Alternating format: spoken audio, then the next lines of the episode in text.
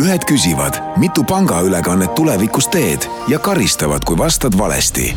teine selliseid küsimusi ei esita, sest Tele2-s on paketid nüüd lihtsalt piiramatud. ühtedega loed gigabaite, teisega oled vaba. võta uus pakett ja naudi piiramatut vabadust. Tele2.ee Kuku Raadios välja öeldud seisukohad ei pea ühtima Kuku Raadio seisukohtadega.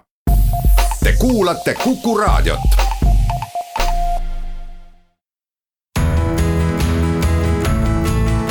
Kuku Raadio nädala kommentaar. tere, täna tahan teha juttu jätkuvast ususõjast, mida tunneme ka nime all Ameerika Ühendriikide sisepoliitika. lõppev nädal tõi Ameerika presidendi olulisima kõne olukorrast liidus.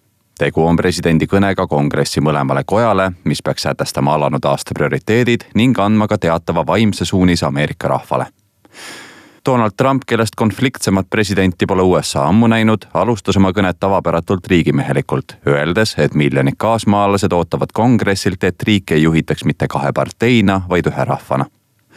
tõsi, Trump püüdis sama tooni hoida ka möödunud aasta kõnes.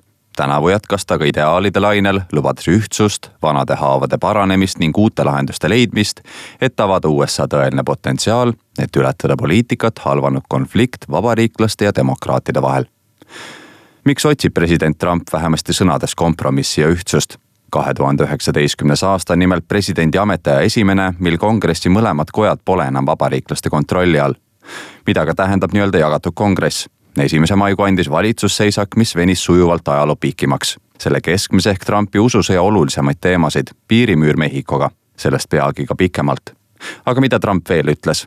ta loetles oma saavutusi nagu pretsedenditu majanduskasv, tema sõnad, ja töökohtade loomine tehastesse, et ameeriklased taaskord oma kätega masinaid ja tarbekaupu ehitaksid. ta loetles ka välispoliitilisi prioriteete nagu kaubandussõda Hiinaga, kohtumine Põhja-Korea riigipeaga ning hääbuv keskmaa tuumarelvastuse piiramise lepe Venemaaga.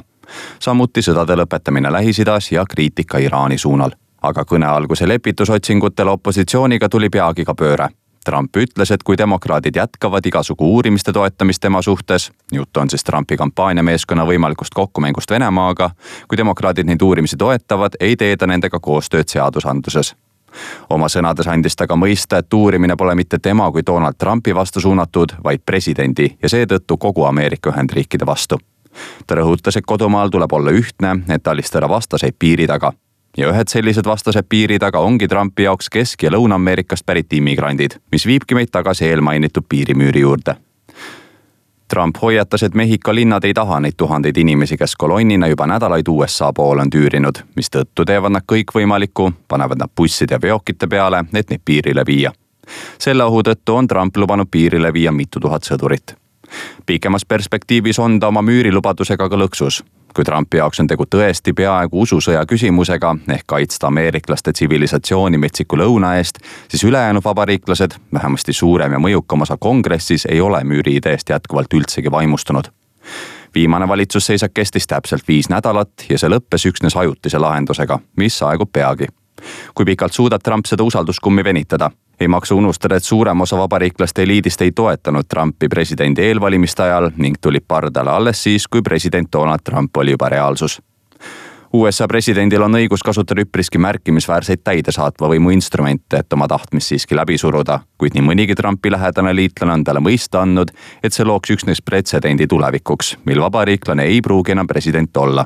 ja kui teemaks on siis kliimamuutused või relvad, ühesõnaga vabariiklastel oleks palju kaotada põhimõtteliselt ongi president Trumpil aega üksnes pühapäevani kompromiss saavutada, sest kell tiksub ja teist valitsusseisakut ei neelaks ilmselt alla ka vabariiklaste valijad, kellest osa juba istus seetõttu palgata puhkusel.